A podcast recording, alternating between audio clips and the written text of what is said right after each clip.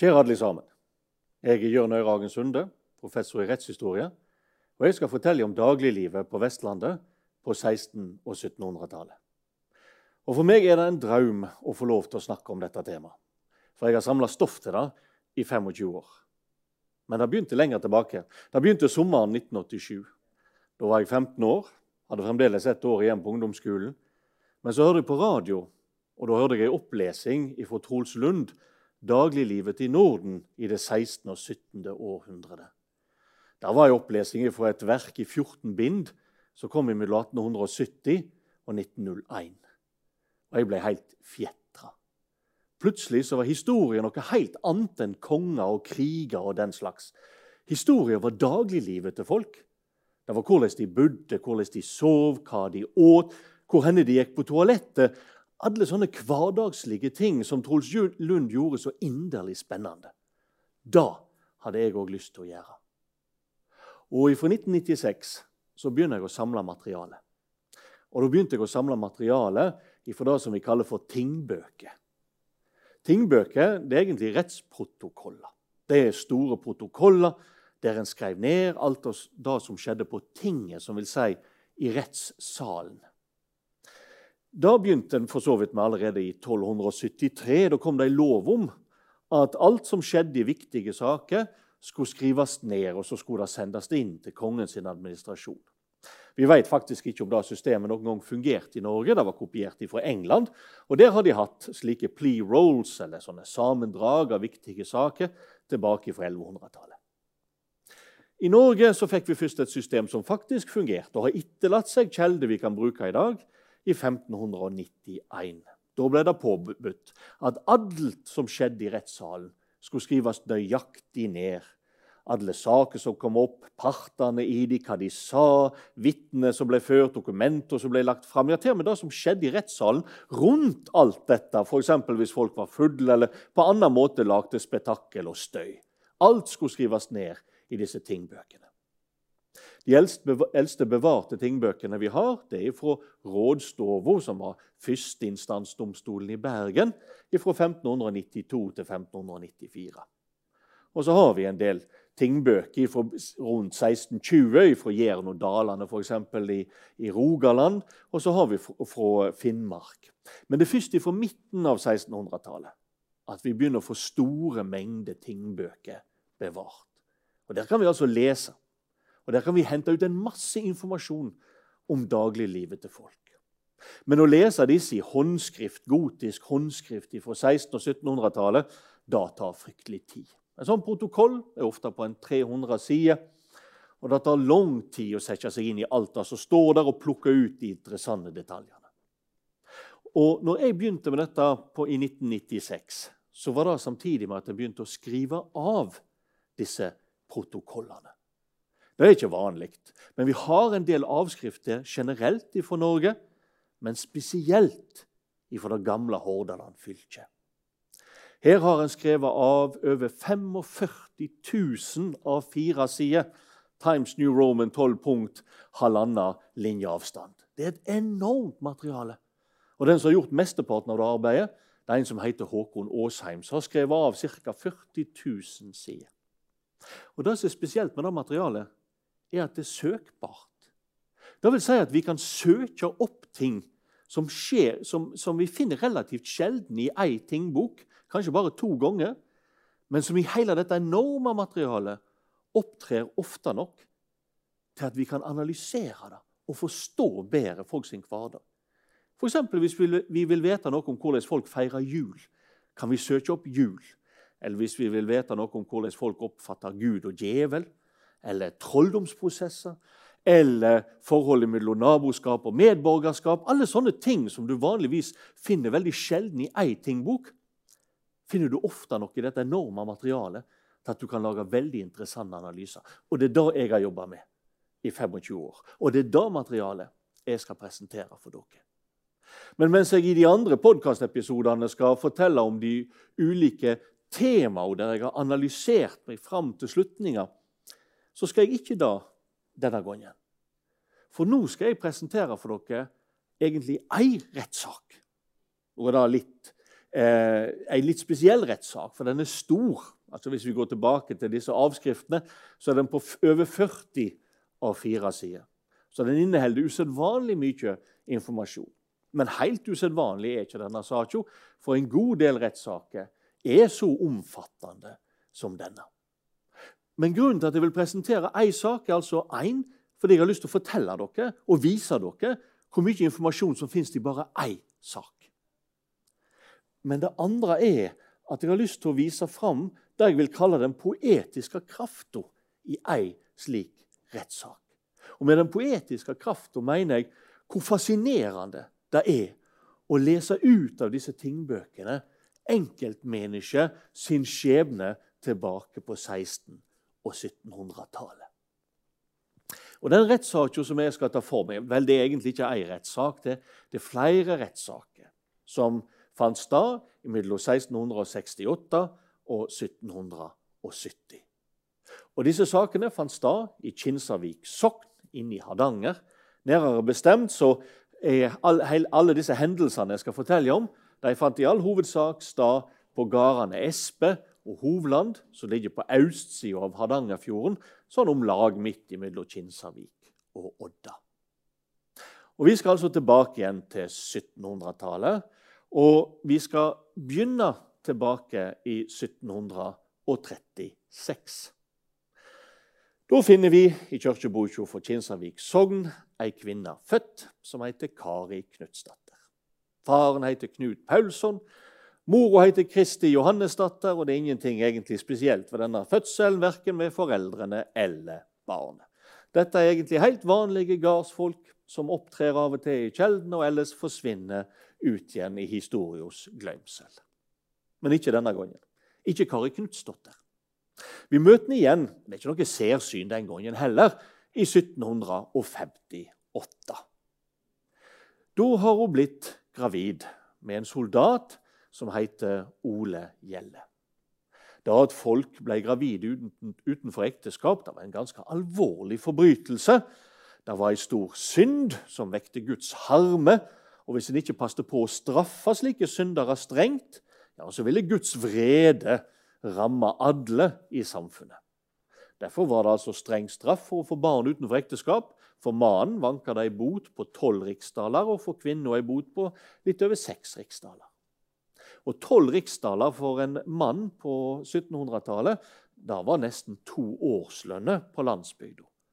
Mens ei kvinne som fikk litt over seks riksdaler i bot, ja, hun måtte da betale litt over ei årslønn i bot for å ha fått barn utenfor ekteskap. Så dette ble altså straffa strengt. Men de hadde òg ei gulrot.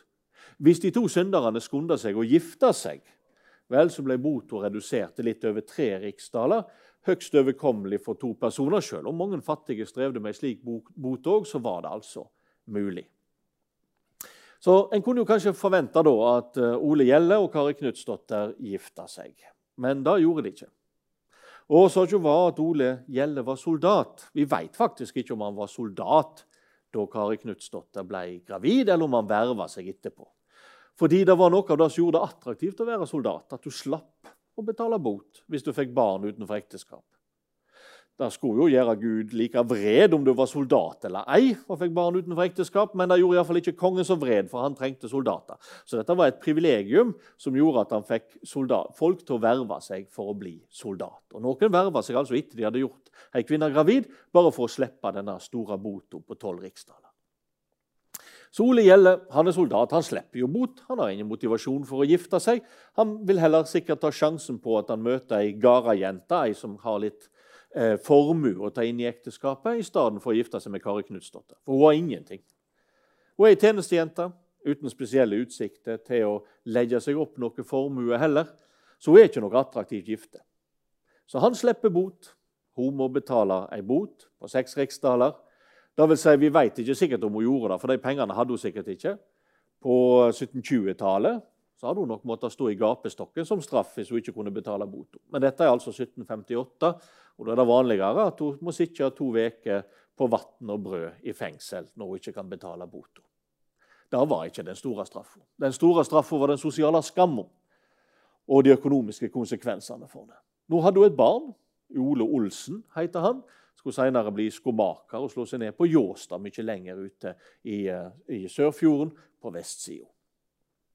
Men hun hadde altså et barn, og det gjorde jo at for det første så var det synlig for alle hva skam hun hadde påført seg sjøl og familien. Hun måtte til og med stå åpenbart. Det vil si at i eh, desember 1758 Hun fødte ungen om sommeren, men i desember 1758 måtte hun stå før hele menigheten og vedkjenne seg den store synda hun hadde gjort seg skyldig med å få barn utenfor ekteskap. Dette skjedde altså før gudstjenesten begynte. Hun var altså for alltid merka på den måten. Det var òg barnet.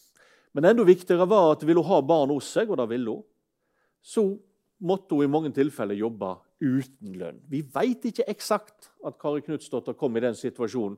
Da vi vet, at hun på et spørsmål seinere i en annen rettssak ble spurt om hun gikk på jobb selv om hun var dårlig. Og Da svarte hun ja, det måtte hun. Helst hadde hun ikke noe hus å bo i. Hun snakket altså ikke om at hun ville miste lønna si, men hun ville miste huset sitt. For kvinner som fikk barn utenfor ekteskap og beholdt barnet hos seg, de måtte ofte jobbe bare for kost og losji. De fikk ikke lønn. Konsekvensen var jo at Kari Knutsdotter ikke kunne legge seg opp litt lønn for å gjøre seg sjøl til et attraktivt gifte, og ville sannsynligvis forbli ugift. Mens gutten derimot ofte måtte begynne å jobbe veldig tidlig. Vi har eksempel fra disse tingbøkene på gutter nede i 5-6-årsalderen som begynner som gjetere. Fordi de er født utenfor ekteskap, har ingen til å ta seg av de annet enn en moro som altså ikke får lønn, men bare kost og losji. Dette er tilværelsen for Kari Knutsdotter etter 1758. Så skal vi hoppe fram i tid. Om lag ti år, eller helt nøyaktig ti år. 1768. 3. juni. Da er det ei rettssak i Kinsarvik sogn. Ikke mot Kari Knutsdotter, men imot Ole Larsen. Han er en husmann som uh, bor nede ved, ved Skjøden i lag med andre husmenn. Han hører til det vi kan kalle lokalsamfunnet sitt bunnssjikt. Disse husmennene de bor gjerne i elva Osa, for der har du ulike former for industri. Du har kvedne, du har sagbruk, du har lasting og lossing av vare. Her er det løsarbeid for de som har så lite jord at de er nødt til å jobbe ved siden av for å få ting til å gå rundt. Men løsarbeid og sesongarbeid. De har veldig ujevn inntekt.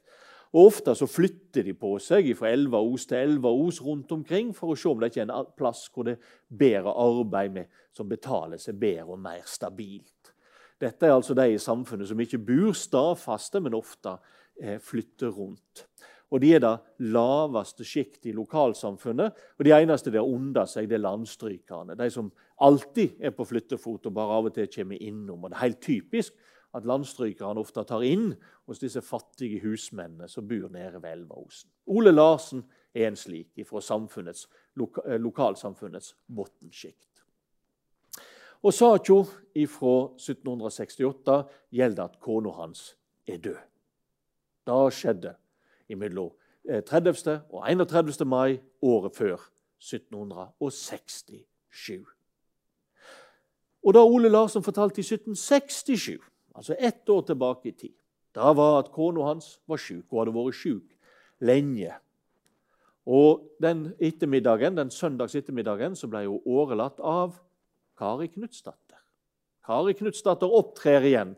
og Hun er en person som altså årelater folk. og hun blir også knyttet litt sånn magiske ting, skal vi se fra seinere i denne saken. Hun er nok en av de som på 1600-tallet eh, kunne ha blitt beskyldt for å være ei trollkone. Men hun har altså årelatt kona til Ole Larsen. Hun heter Anne Jonsdotter. Og Så reiser hun hjem. Det er Ole Larsen som ror ned tilbake til der hun bor, på gården Espe. Så ror han hjem til kona si. Han legger seg med henne om kvelden. Og så dør hun. Brått og voldsomt i løpet av natta. Han springer til dattera si, så ser vi et annet hus i lag med ei tjenestejente og ber henne om å hente nabokona, så hun kan komme og se på liket. Dattera hans springer av gårde, men hun kommer tilbake igjen både med nabokona, men ikke minst med ektemannen hennes, husmannen Samson Samsonsen. Det var ikke helt planen, fordi nabokona var nesten blind. Da var ikke Samson Samsonsen. Og når han så på liket til kona til, eh, til, Ole Larsen, så så han at hun hadde bl en blå strek rundt halsen. At hun hadde bloddråper på brystet. At hun var oppklort på halsen, og hele ansiktet hennes var blått og oppsvulma. Og Han begynte å fritte ut Ole Larsen. Hva var det som faktisk hadde skjedd? Ole Larsen visste ikke, han hadde bare våkna. Det, det, var en voldsom død, sa han. En annen nabo, en husmann da òg, selvsagt, Torstein Henriksen, han henta fram en gammel talemåte, står det i tingboka, og ba Ole Larsen om å legge hånda si på liket av kona. Fordi etter tradisjon så var det slik at den som la hånda på, på liket og hadde sjøl volda likets død, ja, da ville liket gi fra seg et tegn. Dette var ei gammel overtro. Den går tilbake til mellomalderen, og vi finner den brukt helt fram til midten av 1800-tallet. Ole Larsen legger hånda på liket av kona, og ingenting skjer. Men naboene er fremdeles mistenksomme. De fortsetter å fritte han ut. Han griner, klager sin au, og så sier han noe som avslutter diskusjonen. Han sier, 'Jeg ser fram til å møte kona mi i himmelen'. Og hva mener han med det? Han sier egentlig to ting. Når han ser fram til å møte kona si i himmelen, så er det altså fordi han sjøl er uten skuld. Det er det han prøver å si. Men så sier han noe som er enda viktigere. Han sier at kona er uten skuld i sin egen død. For nå vrir han det hele. For at de skal slutte å fritte han ut om det er han som er årsaken til dette, så påstår han at kona hadde brukt sokkabanda hans til å kvele seg sjøl. Altså at det egentlig er et sjølmord. Sjølmord var en alvorlig synd og en alvorlig forbrytelse. Sjølmordere ble, ble ikke gravlagd på kirkegården. Det var en del av en magisk forestilling som de hadde tidligere tider. Nemlig at det er de som er på kirkegården og gravlagt der, som har sjansen til å stå opp den siste dag, stå fram for Gud og hans store dom, og så få evig frelse. De som var utenfor, de kom ikke fram til vår Herre. De ble lokka av smådjevlene ned i helvete og var fortapt. Så da ble gravlagt på kirkegården. Det var viktig.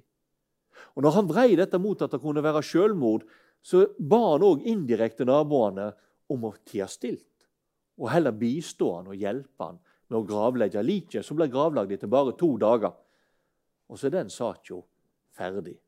Det vil si, helt ferdig var hun ikke, for naboene tidde ikke helt stilt. De var ikke helt fornøyd med denne forklaringa. Det er jo òg rart at noen skal kvele seg på den måten med noen sitt sokkeband.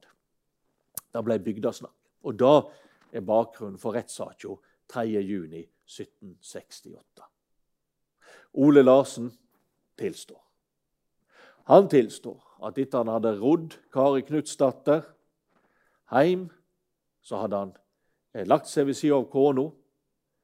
Så hadde han tatt sokkaband han hadde fått av Kari Knutsdatter.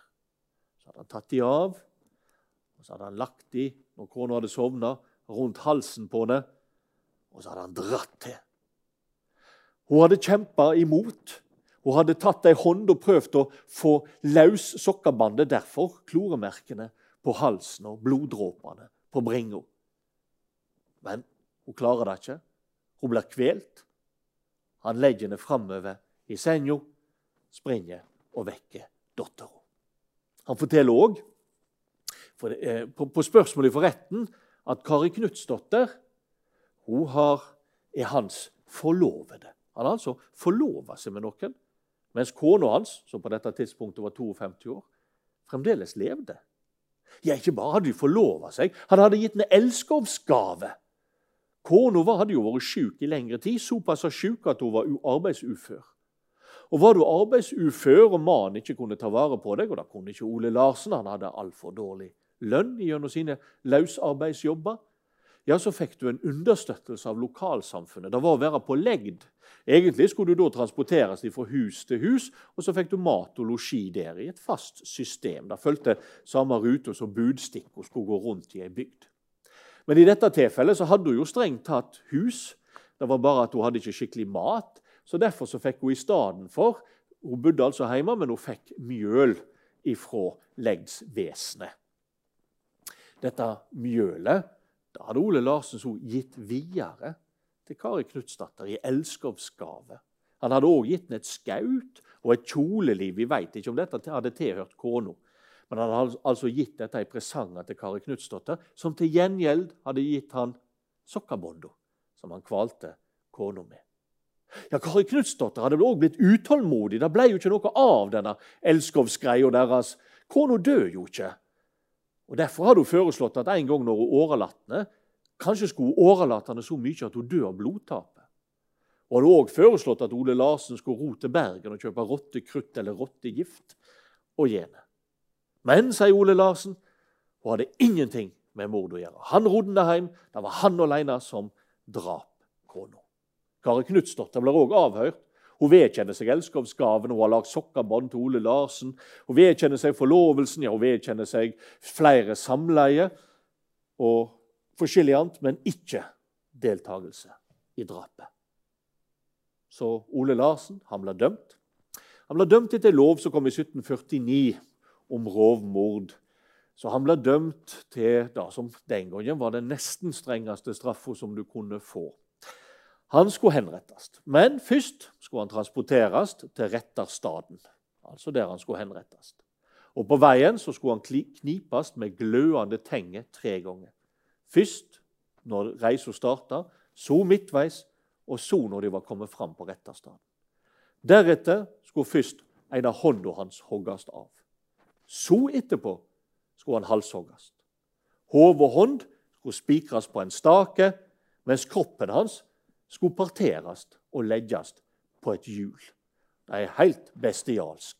Men det skulle virke avskrekkende for de som drev med rovmord. På dette tidspunktet anså en det i Danmark som et problem. Vi har ikke så veldig mange rovmord i, i, i Norge, men vi har noen flere fra Danmark. Så det er ganske så bestialsk straff. Og det viktigste du blir ikke gravlagt. Hodet og eh, hånda og disse kroppsdelene som er botne på et hjul, de blir bare hengende der til alt kjøttet er vekke. Og så hiver de bare beina i ei ur, i ei myr eller ut på sjøen. Sånn at du skal være fratatt muligheten for frelse. Kari Knutsdotter ble dømt til livsvarig eh, straffarbeid på tukthuset i Bergen. Men saken er strengt tatt ikke over der. Og Det er fordi det er obligatorisk appell i alle slike alvorlige saker. Det vil si at Den må behandles av høyere rettsinstanser. Så innen et par måneder så er saken oppe for lagmannen i Bergen. Og da forteller Ole Larsen en ny historie. I den historien er ikke Kari Knutsdotter med. Ja, hun var årelatt kona, men hun har aldri foreslått å ta livet av henne med hjelp av årelating eller rottekrutt. De har ikke hatt samleie, ingen elskovsgave, ingen forlovelse, ingenting.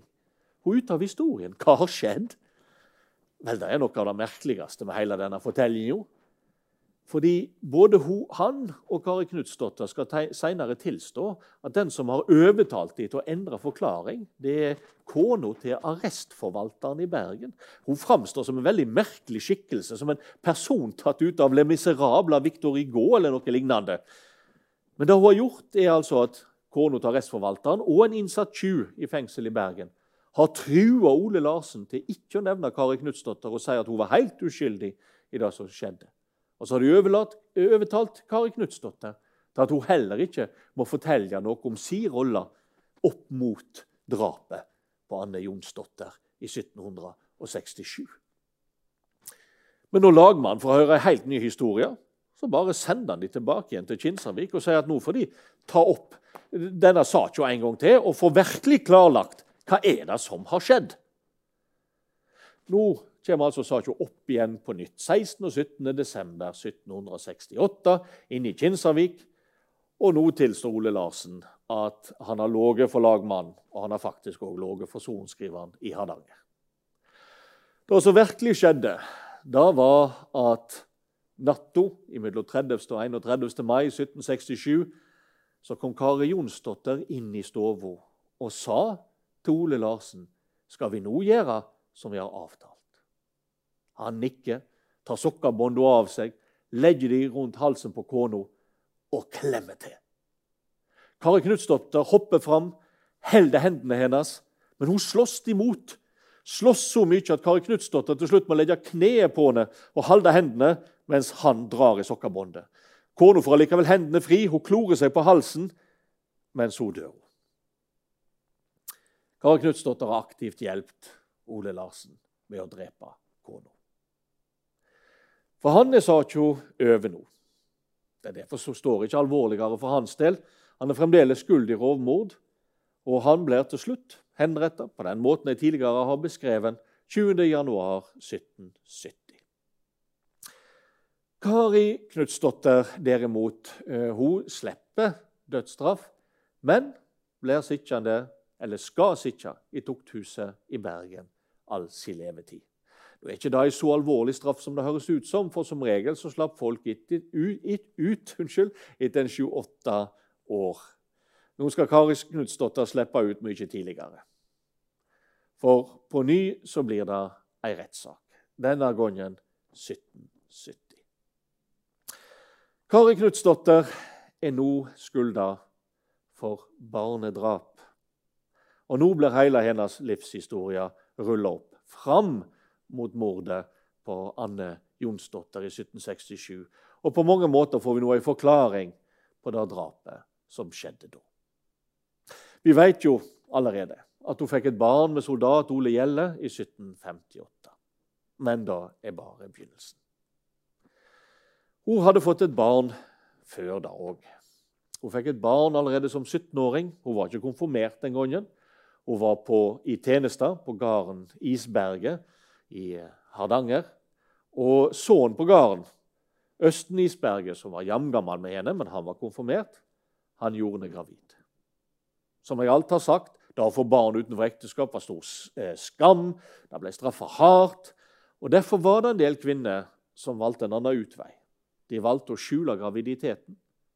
Så sant det lot seg gjøre. Født i skjul.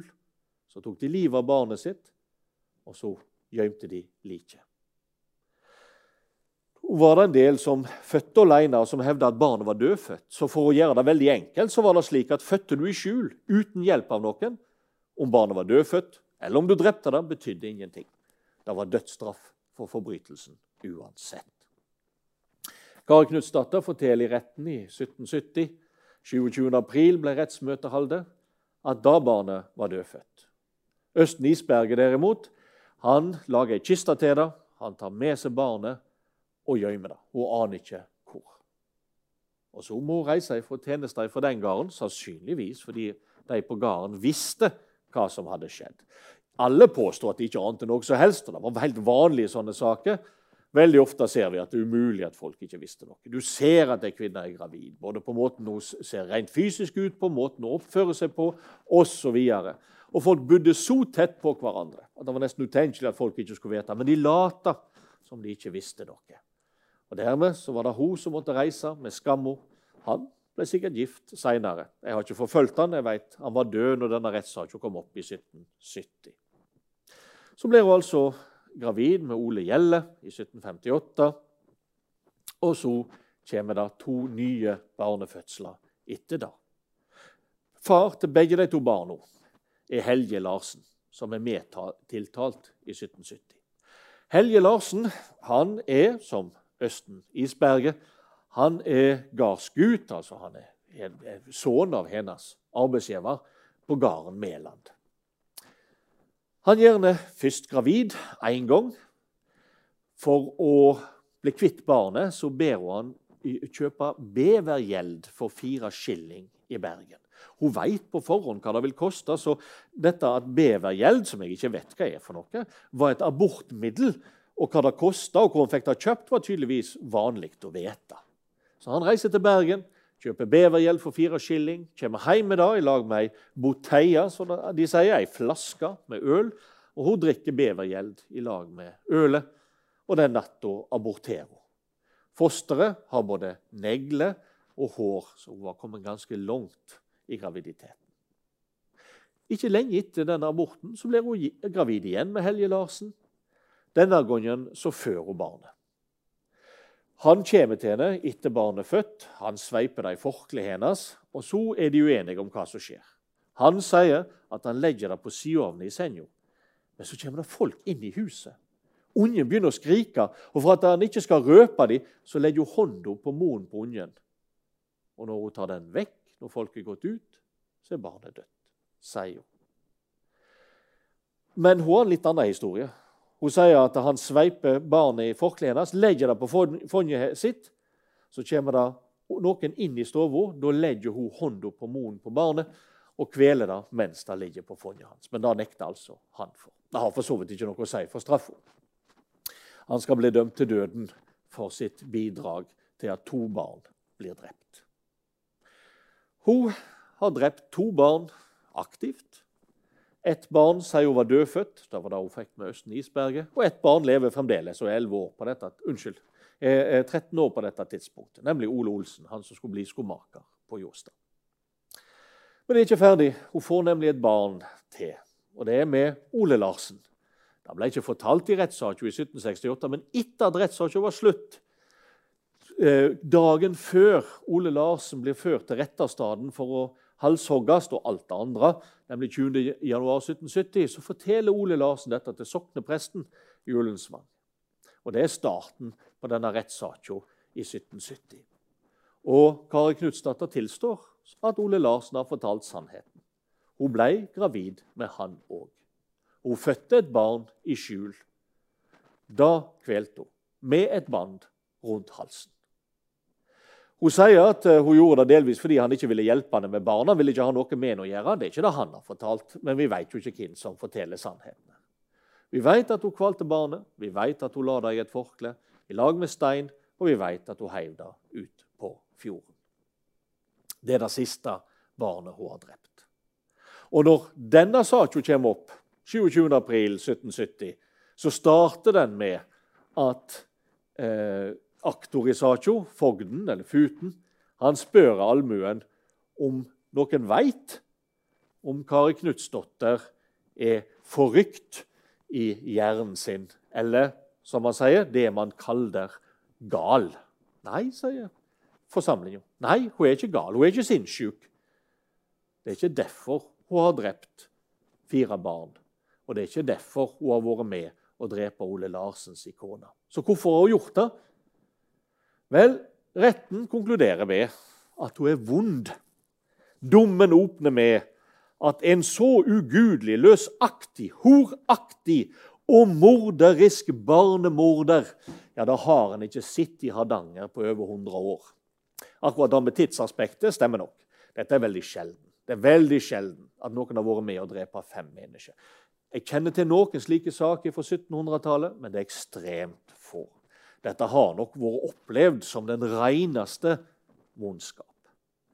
Men la oss stoppe opp litt og spørre oss hvor kommer denne vondskapen ifra? Er, var Kari Knutsdotter vond? Hun har vært spesiell. Hun har vært utskudd i samfunnet delvis fordi hun fikk barn utenfor ekteskap. Dermed så ble hun plassert i samfunnets periferi. Noen av disse kvinnene blir gift, gjerne fordi de har litt formue som gjør de til et attraktivt gifte. Veldig mange av disse kvinnene lever livet sitt som enslig med ansvar for et, for et barn og går der som tjenestejente uten, uh, uten framtidsutsikter, og har et barn som heller ikke har noen formue, og dermed blir fattig. Ole Olsen Ljåstad, altså sønnen hennes med Ole Gjelle, blir altså skomaker, men han er svært fattig. Da kan vi bl.a. se av at han ikke blir gift før han er 39 år. Sånn at uh, Disse framtidsutsiktene har ikke vært spesielt gode for henne. Men det er mange kvinner som har slike uh, framtidsutsikter uh, uten at de dreper fem mennesker.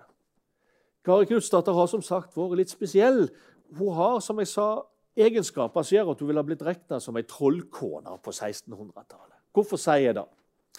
Vel, det har noe med eh, forklaringa hennes å gjøre under rettssaken i 1768. Hun tilstår jo da at hun har vært med å drepe kona til Ole Larsen. Men så blir hun spurt hvorfor har du ikke sagt dette før. Er du ikke redd for de frelsa? Hvorfor har du ikke tilstått? Og Så forteller hun at hun hadde egentlig tenkt å tilstå, men plutselig, utenfor hjørnet på huset, så møter hun en vakker, ung mann. Han sier ingenting. Han bare ser på henne. Så går det en stund, og så kommer hun igjen i tankene på å tilstå. Og da møter hun en ny, vakker mann. Denne gangen er han verken ung eller gammel. Men han sier de som sier at du ikke skal bli gift med Ole Larsen, de forteller ikke sannheten. Det skal skje. Og så er han borte. Og Så går det en stund, og så tenker hun igjen at hun skal tilstå. Men igjen møter hun en vakker ung mann denne gangen, med rødhua, gult hår. Og han sier, 'Du skal ikke tilstå. Det skal gå slik du ønsker.' Altså, hun har kontakt med de underjordiske. Og egentlig framstiller hun det som hennes bidrag til drapet var også et resultat av deres medvirkning. For hun sier hun har ingen idé om hvordan hun kom seg til og fra stua til Ole Larsen der drapet skjedde. Det var som i en drøm. Hun ble framstilt som en som, som, som kan eller har magiske evner. Og Det interessante her er jo at aktoratet på ingen måte protesterer. Sorenskriveren spør aktor vil du, ha, eh, vil du stille flere spørsmål. Skal vi føre flere vitner. Nei, sier aktor. Han syns at denne forklaringen er svært sannferdig. Og uansett så er det snart jul, sier han. Da var det. Dette skjedde 17.12. Men hvorfor sier han da? Jo, fordi når det er snart jul, så er jo det en magisk høgtid. Og ingen vil lyge da og sette sin sjels frelse i fare. Han tror faktisk, aktor, at Kari Knutsdatter har snakket med de underjordiske og blitt transportert fram og tilbake, kanskje av dem, til den staden der mordet skjedde. Hun er altså en magisk person, og folk tror på det. Hun har òg sagt ei tjenestejente at hun kan få hva mann som helst til å begjære henne. Og husk òg hun har gitt sokkebanda Tole Larsen de sokkebanda han bruker for å kvele kona. Hun er altså en litt sånn spesiell person. Hun er ikke en vanlig figur. Men er hun vond? Står hun i ledtog med, med vonde makter, eller iallfall tror at hun gjør det? Da får vi aldri vite. Men det er i så fall flere som er vonde her, og det er litt viktig. For det første Østen Isberget. Han var med å transportere vekk ett barn, dødfødt, påstår Kari Knutsdatter. Helge Larsen han visste godt om to barn og bidro faktisk til to barns død. Ole Larsen det samme. Han bidro ikke aktivt, men han totalt avvisende og bidro slik indirekte. Og så har vi Ole Gjelle. Ja, Han var soldat og bare stakk av hele ansvaret og gifta seg ikke med den han hadde gjort gravid, selv om han visste hva skjebnen hun måtte ha. Hvis det er flere vonde, så har vi iallfall fire til der, som alle gjorde sitt bidrag til å skape Kari Knutsdotter til den personen hun var og blei. Men det fins noen til her som må nevnes. Det er alle de som visste hva som foregikk. Ingen vil vedstå noe, men det er ei tjenestejente som sier jo, det har gått bygderykte. Rykte om barnet på Isberget, rykte om barnet på Mæland, rykte om barnet som hun fikk med Ole Larsen. Ryktet har funnes. Folk har snakket om dette. Og det er klart de har. Folk bodde tett. Folk har sett at hun har vært gravid. De har sikkert visst at barnet ble drept. Men de lot henne bli en morder. Ikke bare henne. Andre jenter som gjorde det samme. Vi må huske at barnedrap, hvor forferdelig det enn er, er den største drapskategorien i norsk rettshistorie. Folk har visst, men folk tidde stilt. Lot henne bli en morder, som da hun til slutt ble. Der hun drepte fire barn og ei kone. Og hvorfor drepte hun kona? Fordi hun så inderlig gjerne ville at hun skulle dø så hun kunne bli gift. Sånn at sønnen, som på det tidspunktet var, var ti år, skulle ha ei framtidsutsikt i det hele tatt. Selv om den var elendig. Vi snakker om å bli gift med en som hørte til i lokalsamfunnet sitt bunnsjikt. Men under han så sto altså hun helt alene med et barn utenfor ekteskap. Så det kan godt hende Kari Knutsdatter var eller blei vond. Men vi har flere som gjorde det vonde, disse fire mennene. Men òg lokalsamfunnet. Hennes historie ender i alle fall 1771. 16. august det året blir hun gravlagt. Da er hun henrettet, halshogd, for barnedrap. Hun ble altså halshogd, men dermed gravlagd på kirkegården. Ole Larsen som hun var med å drepe kona med, eh, Anne Jonsdatter, han ble ikke gravlagd der. Men hun ble gravlagd på kirkegården. Litt seinere den høsten, 29. september, der er ei anna kvinne gravlagd. Nesten samme alder, bare ett år eldre. Hun heter Gunhild Pedersdatter. Hun var tjenestejente på Reisete på vestsida av Sørfjorden. Hun hadde drukna i et lite fjellvann den høsten. Hun var ei tjenestejente. Hun var 36 år. Hun var ugift. Og hun drukna i et lite fjellvann. Seinere, på slutten av 1700-tallet, så ble alle den typen dødsfall bare karakterisert som merkverdige dødsfall. Da ble det ikke her, men litt seinere hadde det blitt det. Merkverdige dødsfall da var det en ofte mistenkte selvmord, men en visste ikke sikkert. Kanskje tok hun livet sitt. Og hvorfor gjorde hun det? 36 år, tjenestejente. Ingen utsikter til å bli gift. Kanskje var hun nå blitt gravid utenfor ekteskap. Orka ikke tanken på skjebnen som, som ventende da. Og så tok hun livet sitt. Eller kanskje hadde hun fått et barn utenfor ekteskap som hun hadde tatt livet av, og orka ikke leve med det. Mange av disse kvinnene ble psykisk syke, deprimerte. Kanskje tok hun livet sitt i den sammenhengen. Eller kanskje var hun bare deprimert over hele den skjebnen som venta henne. Den skjebnen som venta disse kvinnene.